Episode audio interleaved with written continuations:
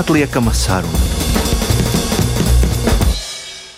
Mums klasikas studija ir ārkārtīgi aktīva un enerģiska. Manuprāt, šobrīd tādēļ, ka šeit ir neviens es un neviens skaņu operators, bet veseli trīs mūziķi mums piebiedrojušies. Es visu pirms ar jums sasveicināšos. Pie mikrofona ir flautiste Egijas Proģis. Sveika! Sveiki! Pianiste Evelīna Jākapsona. Sveiki! Kā arī mažadnieks Raimons Gulbis. Sveicināts! Fagotists Raimons Gulbis. es ļoti atvainojos. Jā, pagaidiet, uh, mežģīnieks būs um, Mārcis Evolons. Pavisam loģiski. Jā. Es to zināju, ja nu kas. un uh, koncertu, par ko mēs runāsim, ceturtdien, uh, 15. februārī, 2007. vakarā Lielajā ģildē vadīs arī uh, mūsu klasikas kolēģe Liene Jakovļeva. Un šis koncerts, par ko mēs runājam, ir uh, Latvijas Nacionālā simfoniskā orķestra kameru mūzikas koncerts uh, no Parīzes līdz līdz Berlīnai. Tad nu, es domāju, ka mēs mūsu sarunu varētu sākt ar, uh, ar to, uh, kāpēc Parīze un kā jūs nonācāt no Parīzes līdz Berlīnai. Vai tas varētu būt saistīts ar kādu tūri, kas uh, nesen notikusi? Jā, labvakar, klausītāji. Tātad ideja patiešām radās Parīzē, kad mēs ar Nacionālo simfonisko orķestri tur bijām koncertēt. Aizrunājāmies, kā tur ir ar tām. Šīm kameru mūzikas programmām, kā tur notiekās. Un, jau, bet vai kaut ko spēlēt, kaut ko veidot, un mums ir ļoti daudz draugu kolēģu pūtēju. Un, labi, Evelīna arī bija. Un īstenībā Evelīnai tieši iesāka šo sarunu. Un tā vārds pa vārdam, labi, taisam sekstetus. Nav viņi daudz Latvijā spēlēti. Un, man, manuprāt, un mūsu visu prāt, ļoti laba ideja, ko realizēt. Un šeit uh, liels paldies arī Nacionālajiem simfoniskajiem orķestriem vadībai, ka viņi ir devuši šo, te, manuprāt, izcilo iespēju un platformu, uh, kur katru gadu uh, mūziķi var pieteikties. Tieši orķestra mūziķi uz šīm kameru mūzikas projektiem, un, un iespējams tikt atbalstīti un koncertēt. Manuprāt, arī lielākais ieguvējs ir uzreiz klausītājs, kurš saņem tātad patiešām uh, lielu izvēli. Um, tieši programmu ziņā. Jo nu, nevar viens cilvēks vai tikai viena komanda visu izdomāt. Un šeit uh, tiek piedāvāta iespēja visiem orķestrantiem nākt klajā ar savām idejām, un redz, tā, viņas tiek atbalstītas. Vai tad, kad jūs bijāt Parīzē, vai uh, jūs līdz sekstetam tieši nonācāt uh, konkrētā sarunā, ka kāds jums minēja, hei, ir tādi seksteti, vai, jā, respektīvi, kā jūs nonācāt tieši līdz tam sekstetam? Varbūt Evelīna var pastāstīt. Nē, nu, es atceros, ka tā ideja piedzima Parīzē, un tad mēs viņu to ideju patiesībā tīri kā kameru mūziku atvedām uz Latviju. Un tikai pēc tam tas vārds pa vārdam dzīme, ka tie varētu būt šis būtē kvintets un klavieris. Un tā nu, mēs izvijāmies šādā sastāvā. Sakiet, um, nu jā, mēs ļoti daudz runājam Latvijā par tām visādām skolu ietekmēm. Jāsaka, ka pavisam noteikti uh, Krievu un Vācu skola mūzikā mums ir izteikta. Uh, kā jūs domājat par 2023. un nu jau 2024. gadu, uh, kāda ir latviešu mūziķu attiecības tieši ar šo franču mūziku un franču spēles stilu un, un, un tam līdzīgi? Manuprāt, mums spēles stils varbūt vēl ir jāmācās, un iespējams jābrauc uz, uz, uz Franciju, padzīvot un tur spēlēt kādu laiku. Bet eh, cik nu skatās tās programmas, kas tiek spēlētas franču mūzika, manuprāt, nav nemaz tik ļoti novārta atstāta, un viņi skan ik pa laikam.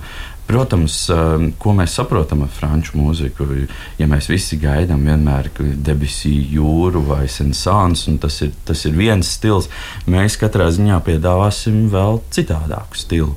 Um, piemēram, Pūlēns arī par viņa mūziku. Viņš pats ir izteicies, nu, ka, ka viņš dzīvoja tajā laikā, kad parādījās lidmašīnas, un puķis uh, nu, dzīvoja tikai vienu dienu. Un tas jau ir jau pilnīgi cits stils. Es uzreiz uh, gribu pievērsties arī Egijai, jo tu esi flautists. Man liekas, ka tā franču mūzika, es nezinu, varbūt tas ir tikai mans subjektīvais kaut kāds novērojums, ka tā franču mūzika vienmēr kaut kā ļoti, ļoti ar flautu ir saistījusies. Saki, kādas tev ir attiecības ar franču mūziku? Tu tur jūties kā tāda zīltiņa ūdenī? Droši vien debesī ir arī tas franču komponists, kurš šo sajūta par to, franču mūzika un flauta ir, ir tāds viens veselums arī ir radījis. Un, jā, protams, franču mūzikā flauta ir viens no stūrakmeņiem un pamatinstrumentiem. Savukārt mūsu koncertā būs iespējas dzirdēt franču komponistes skaņdarbu, kurš ir pilnīgs pretstats šiem visiem pierastiem. Tā kā franciskajiem skaņdarbiem. Jā, jā, jā, kur savukārt galvenā loma būs Evelīnai. Aha, varbūt pirms es noteikti par šo skaņdarbu gribu parunāt, bet man vispār likās ārkārtīgi interesanta doma paņemt tā teikt, divas skolas, um, vācu skola un franču skola, un, un tādā tiešām balansā to savietot mm. kopā vienā koncertā. Un, un, un varbūt jums ir radušies kādi novērojumi, kā šīs um, divas mūzikas atšķirās, vai tieši viņām ir daudz vairāk kopīga nekā mums liekas. Jā, respektīvi šo četru komponistu, Blūmera, Jona, Ferences un Pulenka mūziku spēlējot, jūs esat kādas līdzības, atšķirības, interesantas novērojuši? Es domāju, ka dažreiz varbūt ir un šķietami klausoties, šķiet, ka šis noteikti ir vācu komponista darbs, bet patiesībā Jā, pilnīgi ir, noteikti. Un tā ir mūsu paša Parīzes Farenka, kura nu, neizklausās. Viņa, nu, viņa tiešām mēs viņu spēlējam, un tā liekas, jā, tā noteikti ir vācu komponista. Jā, nu tad uh, parunāsim par Luīzu Farenci. Jūs spēlēsiet viņas sekstetu dominorā no 40. opus, un, protams, mums Latvijā nu, šis vārds šķiet, nu, nav skanējis Reti zināms. Reti zināms, patiešām, jā. jā. Un es arī, protams, iepazīstoties ar jūsu programmu YouTube, sāku klausīties un domāju, pagaidi. Nu, nevar būt tiešām franču komponiste. Um, viņa ir ārkārtīgi interesanti. Protams, 19. gadsimtā viņa jau cīnījās par līdztiesību. Viņa konservatorijā bija pirmā sieviete profesora un arī panāca algu vienlīdzību, kas priekš 19. gadsimta liekas kaut kas pavisam, pavisam traks. Um, bet uh, sakiet, Ko jūs nosauktu viņas mūzikā par to īpašo, kas viņu tiešām cēla tādos augstumos un kamdēļ viņa tajā kultūrā un tajā sabiedrībā spēja kā, izlausties uh, tik augstu? Nu, manuprāt, uh, it īpaši ar šo pašu uh, sekstetu. Uh, viņa apliecināja to, ka viņa spēja izpildīt visas uh, klasiskās mūzikas uh, paradigmas īstenībā. Uh, um, visus paņēmienus. Viņa pierādīja, ka viņa ir viena no un visu to arī labi saprot. Viņai nebija jāatrod savs. Jo, manuprāt, tajā brīdī tas patiešām būtu bijis grūti uh, savu piedāvāt. Bet viņi pierādīja, ka viņi var būt tikpat laba kā, kā viss tas, kas bija arī pirms viņas. Manuprāt, tas ir tas galvenais šajā gadījumā. Un sekstitātā noteikti ir viņas virtuozitāte, cik ļoti viņa bija izcila pianiste patiesībā.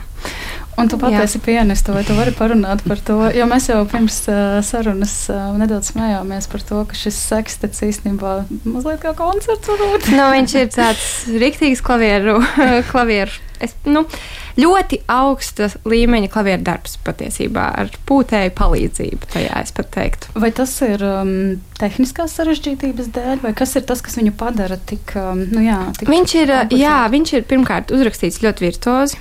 Klavieres ir galvenajā plānā, viņas pilda visu šī skaņdarbu lomu. Uh, uh, izved visas tēmas. Viņa apvieno ļoti daudz dažādas tehnikas veidus uh, klavierēm. Viņai ir spožas gamiņas, tad viņai ir tur oktāvlēcieni, dubultērts, akordi. Nu, visu, visu viņa apvieno un tādā veidā to sasaist ar pūtēju brīnišķīgajām piebildēm vai kaut kā tas pār, pārsaistās un, un tad dzimst viena, viens veselums, kas ir, manuprāt, ļoti, nu, tiešām skaista mūzika, bet noteikti uz pirmo klausoties ne franču.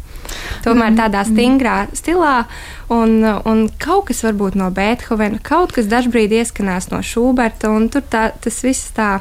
Patiesībā tas ir kaut kāds vieglums tiešām Šubertu ļoti, ļoti atgādina. Jā, un uh, viņa arī bija, nu, savā ziņā, viņa bija Šopēna laika biedra arī. Un otrās daļas sākums, nu, jā, Beethovens, tā kā, jā, Šuberts, tā kā Bet jā, pēc harmonijas varbūt tā kā pat Šopēns ar visiem izrotājumiem, un trillerīšiem, un mordentiem, un grupeto, nu visu, ko viņi tur apvieno. Kā, jā. ļoti interesanti. Nu, mēs noteikti varam runāt par to, ka varbūt šajā uh, Luīzes Ferences uh, sekstetā uh, Evelīnai ir daudz ko darīt, bet sakiet, ir vēl trīs komponisti uh, - Teodors Blūmers, Pauls Jons un Francis Pulenks. Sakiet, kādas ir attiecības katrā no šiem skaņdarbiem? Varbūt jūs varētu parunāt, kur varbūt vairāk Egijai ir ko darīt, vai, vai vispār tā šajos skaņdarbos ir? Nu, jā, ir. Man šķiet, ka Paula Jona darbs ir izteikti tāds, kur katram instrumentam ir sava solo daļa, principā veltīta. Ja es nemaldos. Jā, um, tātad Jonas skaņdarbs, jo katrs īstenībā šeit parādās. Ir īpaši ir vairākas daļas, kur līdzīgi kā Farenkā, kur viss skaņdarbs ir Evelīnai pianistam. Tā Jona skaņdarbā visi instrumenti var parādīt savu. Katra daļa īstenībā ir domāta kādam instrumentam. Vispārējie, protams, piepalīdz. Šajā pat laikā, nu, it kā Jons šveiciešu komponists, un, bet atkal pilnīgi pretstatā Farenkai, viņš vairāk izklausās kā francūzs. Mums, mums pašiem šis ir jauns atklājums. Mēs ņēmām, ka izvēlējāmies skaņdarbus. Jā, nu, divi Parīzes, divi Berlīnas, tāpat laikā viss, viss ir tā samiksējies kopā, ka, ka ej un pasaka, no kurienes kurš ir. Nu, varbūt vienīgi Pulankam var pateikt, jā, jā šis ir Pulanks. Tas ir interesanti doma. Francūzis, kas izklausās pēc uh, vācieša, un vācietis, kas izklausās pēc francūža. Jā. Jā. Um, es lasīju par uh, Paulu Jonu, ka viņam vispār ir interesanta vēsture, ka jā, tātad vā, vecāki ir šveicieši, šveicieši uh, arī kaut kādas vācieša saknes viņam ir, bet viņš arī ir dzimis un skolojies mācījies eh, Krievijā, Maskavā, ja nemaldos pie Antona Rēnska un Sergeja Taņējeva. Sakiet, vai, piemēram, šādu Rēnska un Taņējeva skolu var just eh, viņa mūzikā? Nu, tur laikam mums ir jā, jāpaspēlē vēl vairāk viņa darba, lai to, lai to vairāk tā varētu un izcelt. Šajā opusā, šajā opusā kaut kā nē. nē, nē. Tas katrā ziņā uzkrītoši nav. Mm -hmm. Mums vēl ir Teodors Blūmers, kurš ir dzimis Dresdenē. Viņš ir bijis ne tikai komponists, bet arī diriģents. Man liekas, ārkārtīgi interesanti. Viņš ir radījis variācijas sekstetam, kur ir ļoti daudz un dažādi um, kā, kontrastējoši daļu nosaukumi, ka parādās gan improvizācija, gan kampričo, gan tāda pastorāla un iepratim arī humoreska un tam līdzīgi. Uh, sakiet, ko viņš, ko, vai viņš ceļoja? pa kaut kādām vietām, lūk, humoreska vai slāvu daļa ir daļa nosaukumos. Kā jūs traktējat šī komponista, mm, nu jā, tos kontrastus šajā skandarbā, ko viņš ar to vēlējies pateikt? Ko viņš vēlējies pateikt, to mums laikam nenoskaidrosim. Jo tas jājautā viņam, ka katrā ziņā mums liekas interesanti, jo viņš ir arī uh, dibinātājs Blūmera kvintetam. Ļoti daudz rakstījis oranžīs, arī Un šis kvintets ir uh, izpildījis tā laika, laikmetīgo mūziku. Ja mums tas liekas jau pilnīgi kaut kas cits, bet priekš tiem laikiem viss tas bija jauns. Un, attiecīgi, manuprāt, šie jaunās mūzikas meklējumi un viņa oranžīs noteikti ir iespaidojuši arī katru šo variāciju. Un katra variācija arī ir eh, veltījums kādam instrumentam. Viņš brīnišķīgi izceļ eh, katram instrumentam raksturīgās iezīmes, tembru, skanējumu. Man ļoti patīk tā daļa, kas ir eh, solo, humoreska. Man atkal klarnetes daļa patīk. Man atkal savukārt Mārcis Evelons spēlēs romanci, nu, mežragam solo. Tā tāda ļoti izvērsta patiesībā. Vai šajā skandarbā jūs varētu pastāstīt klausītājiem, sanāk, ka jūs vienojaties gan kā ansamblis, gan arī pilnīgi kā solisti? Ir daļas, kuras skan tikai viens no instrumentiem? Nē, ne, negluži tā, ka tikai viens, bet eh, pēc tematiskā materiāla un melodiskās līnijas ir skaidrs, ka nu viens ir tas galvenais. Un pārējie šajā brīdī viņu atbalsta. Nu, jā, pievienojas.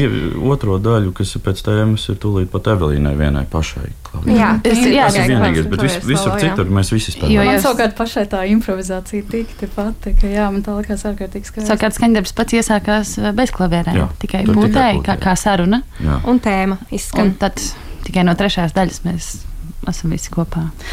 Sakiet, uh, Nu, varbūt Evelīnai tieši jautājums. Uh, tu spēlē kopā ar pieciem pūtējiem, un tu esi klavieres, kas uh, varētu domāt, ka jā, šis pūtēju kvintets jau ļoti tradicionāli nostiprinājies, un viņiem visiem ir specifiska tehnika, kā viņi spēlē, un tā ir kaut kas pilnīgi cits. Uh, tu esi taustiņa instrumentālists. Saki, kā tu redzi klavieres vispār visas šīs programmas kontekstā? Tu jūties tā, ka klavieres ir kaut kāda varbūt tāda atsevišķa tēls tajā visā, kas piebiedrojas, vai tomēr tomēr tā labi. Es domāju, Jā. ka tas ir tomēr visa pamatā, jo klavierēm pieder harmonija, klavierēm pieder tas, uz kā pūtēji būvējs. Un, protams, ka katram ir savs solo epizodes, katram ir um, savi tematiskie materiāli. Taču klavieris kaut kādā ziņā to visu tur uz saviem pleciem, lai visi būtu skaisti kopā, lai visi saspēlētos, lai parādītu kaut kādas nianses. Tāpēc es domāju, ka vairāk ir šāda loma. Nu, protams, izņemot Farenku, tur, tur gan. Tur gan tas, tas ir. ir jā, jā, tas, tas absolūti. ir savādāk, bet pārējie ir um, kā atbalsts. Jā. Kā jūs jūtaties ar klavierēm spēlējot um, tīri kā koku pūšana instrumentālisti? Jums šīs klavieres arī vienmēr ir tāds ļoti labs pamats, vai jūs to vairāk jūtat kā, nu, pieņemsim, sasto pūšanu instrumentu? Man personīgi, es domāju, ka es runāju par, par lielu daļu pūtēji mēs esam pieraduši spēlēt ar klavieriem jau kopš bērnu mūzikas skolas. Un klavieres ir bijušas ir bijis tas instruments, uz kuru mēs tiešām esam paļāvušies. Vienmēr arī, ja kaut kur kaut kas pazūd, kaut kas aizmirstās, mēs jau vienmēr esam paļāvušies jā. uz klavierēm. Un man liekas, uh, uh, tas nekur nav pazudis arī šajā līmenī, kas, uh, kad ja mēs jau esam profesionāļi. Ja mēs dzirdam klavierus, jā, tas ir tas, ko mēs zinām. Okay, tev, Jā, es pilnīgi, pilnīgi piekrītu. Gribēju teikt tieši to pašu. Es vēlētos noteikti parunāt par, nu, laikam jau pazīstamāko vārdu šajā programmā, kas ir Francis Pulanks, un jūs atskaņosiet viņa sekstatu, kas man liekas, uh, nu, tiešām ļoti sarežģīts uh, mūzikas piemērs. Vai, vai, vai, vai jūs tam paši piekrītat? Kā jūs kā atskaņotāji mākslinieki šo skaņdarbu sajūtat? Nu, viņš ir ārkārtīgi sarežģīts no, no daudzām pusēm. Jau pirmkārt, tādēļ, ka tas ir tāds viskrestomātiskākais skaņdarbs, kas šādam sastāvam Augstākā ir, ir bijis. Un, jā. un kādā veidā veidojas attiecības šajā skaņdarbā, instrumentu attiecības? Nu, Pulings ir visu izrakstījis, īstenībā visu, kas ir noticis. Viņš visu ir paredzējis, gan, gan balansu, gan uh, tēmu atdošanu citam, vai tieši sarunu. Uh, Tādā ziņā viņš ir apbrīnojams komponists, kur, kurš visu ir ielicis jau partitūrā iekšā. Mums pēc būtības atliek tikai precīzi to visu arī izpildīt. Nu, un tad, protams, pielikt klāt kaut ko no sevis, interpretācijas eh, lietas, bet um, patiešām viss tik klāri uzrakstīts, ka mm, wow! Man īstenībā vienmēr ir interesējušas jautājums par to, um, nu, mūzikas um, pieraksta precizitāti. Kā jums, kā mūziķiem, ir? Vai jums labāk patīk, ka ir tiešām viss precīzi izrakstīts un uh, jums vispār nav nekādu jautājumu, vai tomēr jums patīk, ka reizēm ir šie jautājumi, kā, ka jūs varat izvēlēties, ko darīt, jūs varat improvizēt. Uh, jā, kas jums patīk uh, labāk? Tās laikam ir personīgās preferences katram. Uh, es abrīnoju tos gadījumus, kad tiek it kā doti priekšlikumi. Bet tas, tas ļoti jāmāk uzrakstīt tādā veidā, it kā piedāvāt, un neuzspiest. Jo mm. dažkārt jau var uzrakstīt arī tā, ka to vienkārši citādāk nav iespējams. Bet šajā gadījumā, tīpaši ar, ar šo pašu pulenku, uh, viņš piedāvā. Mm. Uh, un tad tu vari izvēlēties. Lielākoties, uh, jā, tu to piedāvājumu vari pieņemt, bet tas nav spiesta lieta. Tu vari pēc tam arī piedāvāt arī savu citiem kolēģiem. Un tad jau tas uh, tur vienkārši jāklausās vienam uz otru, kā tas strādā. Un tur ir vieta, kur kā, kustēties. Jums, mm -hmm. uh, Evelīna, kā, kā piemēram tev ir ar šo jautājumu? Uh, nu, teiksim, piemēram, es tagad domāju par Farenku. Tieši viņa savās, um, savā partitūrā ir norādījusi dinamikas zīmes, jā, tur kaut kādas tempu norādījumus, bet patiesībā viņa ļauj pašam pianistam izvēlēties, kā, nu, kā tu tur, vai tur vairāk, vai tur mazāk, vai, teiksim, paiet uz priekšu, vai nepaiet uz priekšu. Nu, ļauj, uh, nu, ne, neierobežo tevi un ļauj tev pašam izpausties. Un uh, spēlējot farenku, man tas ļoti patīk, ka es, teiksim, varu nu, saprast, ka te es varbūt gribētu tā un tā. Un tad es vēl domāju arī par to, ka mums šie trīs komponisti visiem bija jauns klājums. Mēs visi viņu spēlējam pirmo reizi. Un arī tas, ka dažkārt varbūt notīs nekas nav rakstīts, un tad mēs kaut ko paši no sevis piedāvājam nu, piedāvājam, un tad to izpildām. Tomēr tas izklausās labi. Un, un arī pilnīgi cita uzreiz interpretācija, jo arī kaut kādi citi ansambļi no citām valstīm noteikti to spēlē, un viņiem tas izklausās vēl citādi. Tieši liekas, tā, tā, tā un mēs atšķiramies kaut kādā jā, ziņā ar jā. to visu. Egī, kā tev ir uh, par to mm, vie, vietu elpošanai skaņdarbā? Tieši šajā programmā. Es domāju, ka vispār man vienmēr interesē, jā, pajautāt, kā, cik ļoti jums patīk, ka ir precīzi pierakstīts notis. Nu, tas atšķirās. Laikam, ja tas ir runa par kameru mūziku, kur mums ir jāvienojas kopīgi, tad laikam, man patīk, ja ir vismaz kaut kādas norādes dotas. Ja, bet, ja runa būtu par solo skaņdarbu, tad, tad gan jā. Tad, Tikai maz drusciņi, lai ir vieta tomēr pašam izpausties un likt savu. Bet, um, jā. jā, šeit arī piekrītu. Ja tas ir solo darbs, tad tas ir pilnīgi citādāk. Es atceros, bija viens uh, koru uh, konkurss, kurā bija obligātais skandarbs, kurā nebija nevienas norādes, nec dinamiskās, nec tempa. Tik ļoti interesanti bija paklausīties tās dažādās, eh, eh, tos dažādos piedāvājumus un dažādās interpretācijas. Eh, ka īstenībā tā ir pat ļoti laba ideja, man liekas, komponistiem šādi darīt, lai un tad dot pilnīgi vaļu muzeķiem. Un tad arī tā mūzika spēja dzīvot Jā. un dzīvot un dzīvot, jo viņa ir tik mainīga. Uh, atgriežoties pie Pulenka, man liekas ļoti interesanti, ka uh, kritiķis Florāns Šmits uh, pēc šī seksteta pirmatskaņojuma um, šo opusu nosauca par vulgāru un haotisku. Kā jums liekas, kāpēc šis kritiķis, kā viņš vispār varēja atļauties tā teikt, un kas viņam varbūt varēja likties tas vulgārais, nu, tā, tā laika kontekstā domājot tieši? Redz, šeit ir tas, ko es jau minēju. Šis te Pulenka īstenībā tas viņa teiciens, ka mēs dzīvojam. Viņš dzīvoja tajā laikā, kad radās lidmašīnas, puķis jau novīst. Un, ja šis te kritiķis ir eh, vairāk puķu piekritējis, tad skaidrs, ka viņam uh, liksies, liksies eh, vulgāri vispārējais. Bet Pulēns dzīvoja tādā patiešām ļoti strauji mainīgā laikā, un attiecīgi arī šeit noteikti atradīsies arī kritiķi, kas teiks, ka vienkārši wow, kaut kas labāks nav uzrakstīts. Um, tie laikam jāpameklē, bet es ticu, ka ir. Tas jau kā par visu viedokļu jau atšķirās. Un... Un tas bija tik mainīgs laikmets, ka tur mm -hmm. ik uz, ik pēc diviem gadiem parādījās kaut kas pilnīgi jauns. Uh, sakiet, es vēl pēdējo, pēdējo reizi pie Pulanga vēlos pieskarties. Uh, tīri šī uh, seksteta struktūra, kā jūs viņu raksturotu, vai uh, tajā savā formā viņš ir klasisks un Pulangs iekšā? Uh, izpaužas mākslinieciski, kā vien viņš vēlas, vai arī viņš spēlēs ar to kaut kādu klasisko struktūru, arī jā, tīri no kompozicionālā viedokļa. Um. Manuprāt, gan, gan kopēji viņš uh, ievēro tādus klasiskos Jā. uh, rāmjus. Tajā pat laikā viņš atrod šo telpu arī pa, pa vidam, ielikt dažādību. Um, tā, tā vien liktos, jā, otrā daļa, lēnā daļa. Pirmās daļas vidus jau ir praktiski otrā, otrā lēnā daļa. Tur, tur, jā, jā, klausoties, rodas iespējas, ka ah, nu šeit sāk, sāksies otrā daļa. Jā, tā nē, tas nē. Vai otrajā uh, daļā liekas, oh, mēs jau esam trešajā jā. daļā. Un tad tas viss tā. Un, ja paskatās partitūrā, tad tur it kā viss ir skaidrs. Viss, mm -hmm. Tu redzi, jā, šitien tas un tas, bet tad klausies un pagaidi, pagaidi, vairs nekas nav skaidrs. tas ir tāds franču vieglums, man liekas. Un arī patiesībā ļoti gudrs veids, kā.